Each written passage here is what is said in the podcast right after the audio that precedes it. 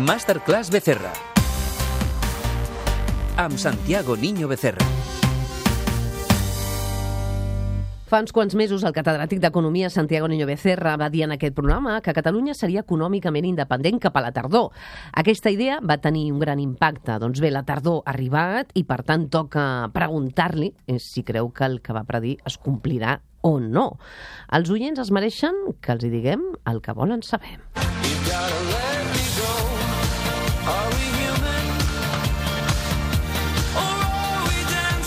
Bona nit, Santiago Niño Becerra, què tal?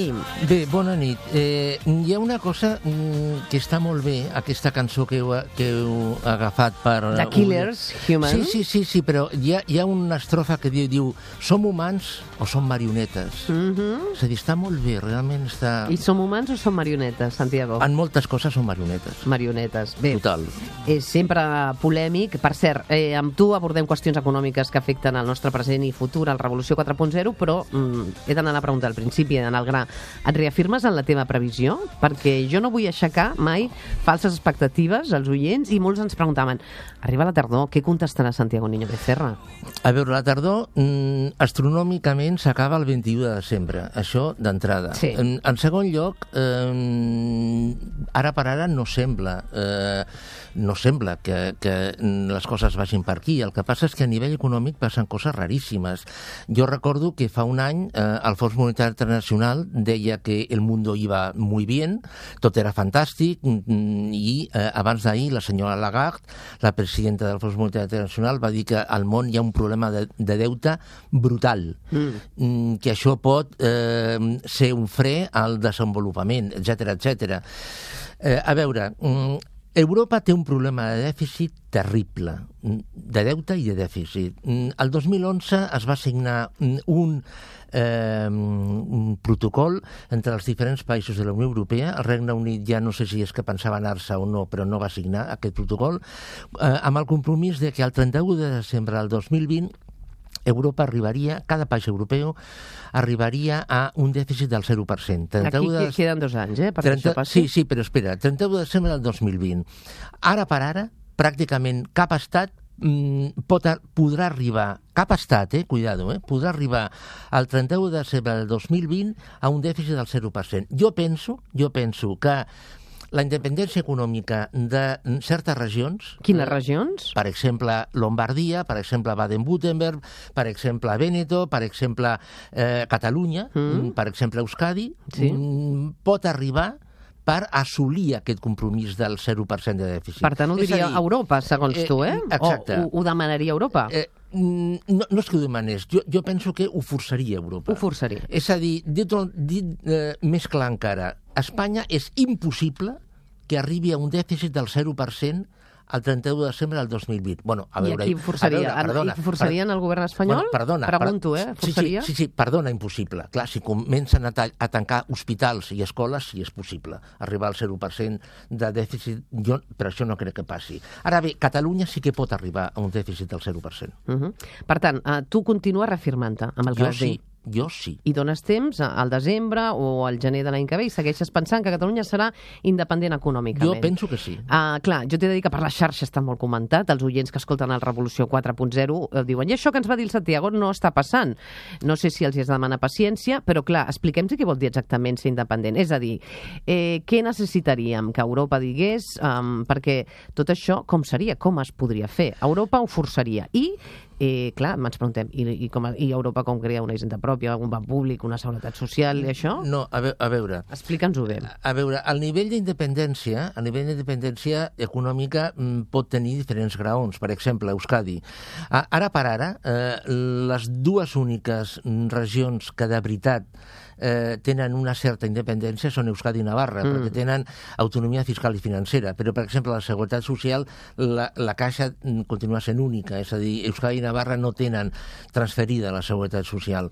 Eh, jo, jo penso que mm, eh, un, un, un, és a dir, a l'articulat mm, eh, econòmic de l'Estatut de Guernica traspassat a eh, Catalunya més eh, altres competències com són ports, aeroports eh, i eh, una, una, una caixa pròpia de la Seguretat Social, jo penso que ja seria una aproximació mm, quasi completa eh, quasi completa a la eh, independència econòmica. Però, escolta, aquest procés no és molt complex? No, que va, que va. Això, Per què no és molt Això complex? en una tarda. Una tarda? Eh, No, home, una tarda- una tarda no. Perdona, Chantal, jo et recordo que la, la Constitució espanyola era impossible de canviar-la, i quan, mm, arrel del compromís aquest que hem dit d'arribar al 0% de dèficit, a l'article 135 de la Constitució espanyola es va canviar en una tarda per afegir eh, la línia aquella que diu que mm,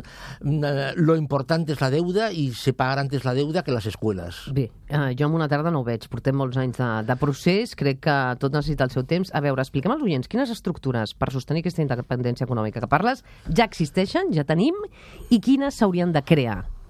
Mm, a veure, mm, nosaltres tenim eh, una conselleria d'Economia eh, que jo penso que mm, no està desenvolupada. Aquí hi ha eh, una... És a dir, jo, jo penso que crear eh, estructures noves no és necessari. Per exemple, un banc central. Per què necessita Catalunya un banc central? Jo penso que per res. Eh, ara No per cal?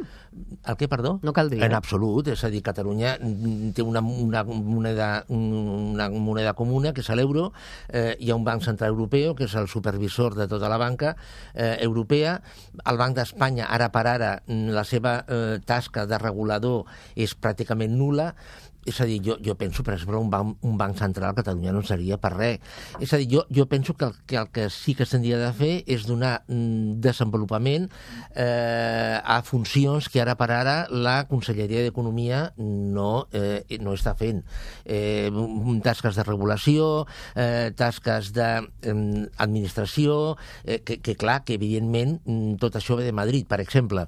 Dels diners que rep Catalunya ara per ara de, de Madrid, pensem que pràcticament el 80% ja tenen destí. És a dir, eh, és com si Catalunya, eh, com si Madrid mm, li digués a Catalunya té eh, això per això, això per això, és a dir, ja estan decidits.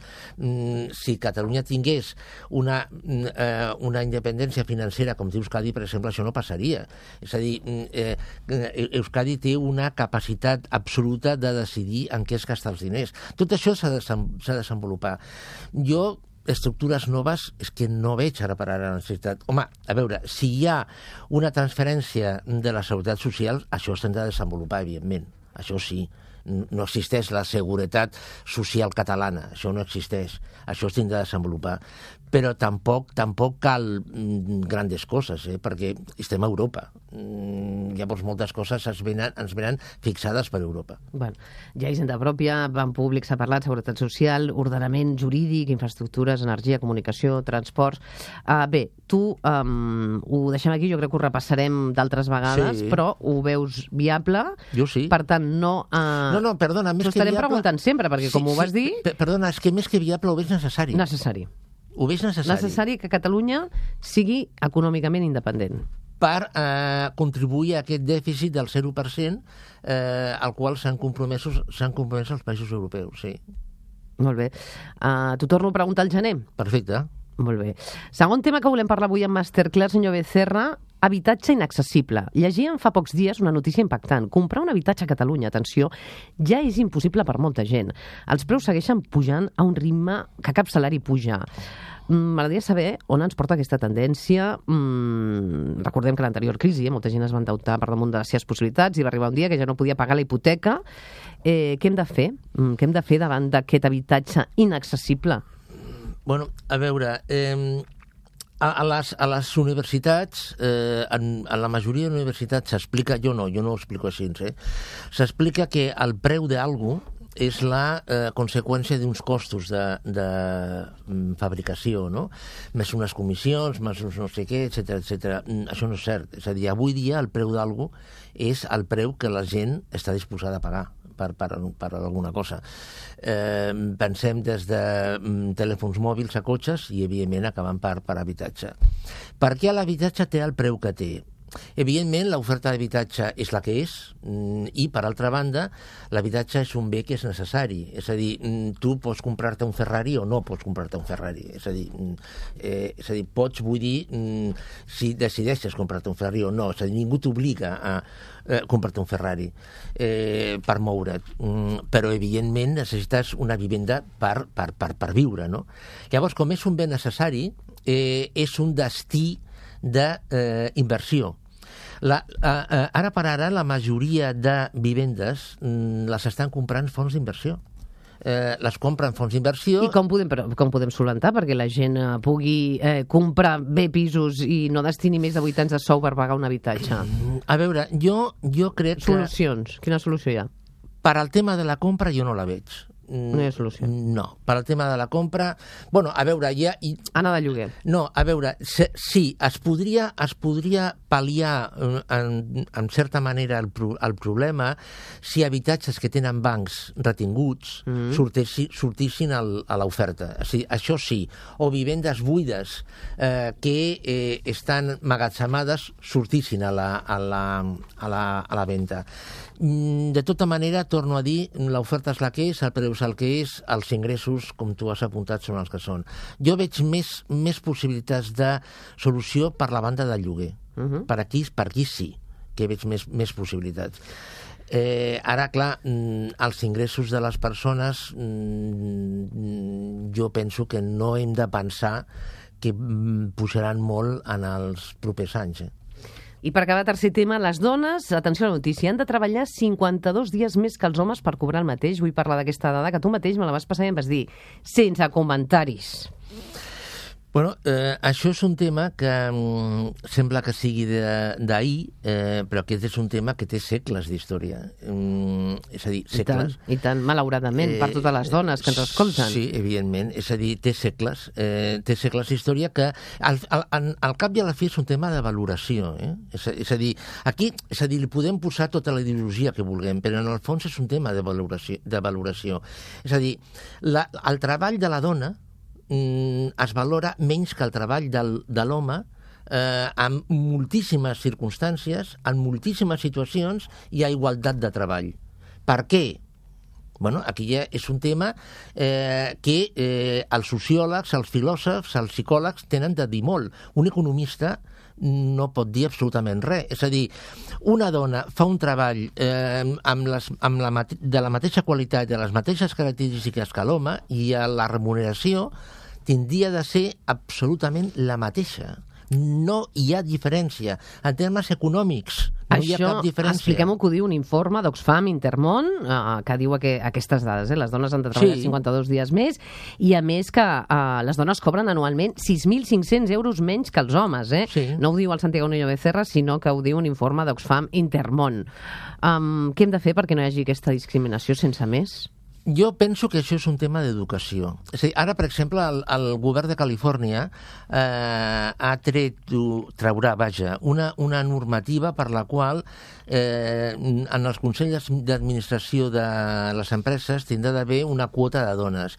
A Suècia ja està funcionant això. Jo, jo penso que això sí, la, aquesta discriminació positiva pot arreglar mm, d'una forma legal, imposada, però jo penso que no és la via. La via és d'educació pura uh -huh. i exclusivament d'educació. És a dir, educar des de, des de la guarderia de que un, un, el treball fet per una dona eh, val exactament igual, en igualtat de condicions, que el treball fet per un home. Tot el que més són parxes. A més a més, eh, cal, per acabar, cal recordar que aquesta organització adverteix en aquest informe la pobresa laboral de les dones, que queda en part invisibilitzada estadísticament però que això eh, passa, no se'n parla, però avui volíem parlar-ne amb el Santiago Niño Becerra al Revolució 4.0 de Catalunya Ràdio. Com sempre, aprenem molt amb aquesta intensa masterclass del Niño. Una abraçada i gràcies. Molt bé, bona nit.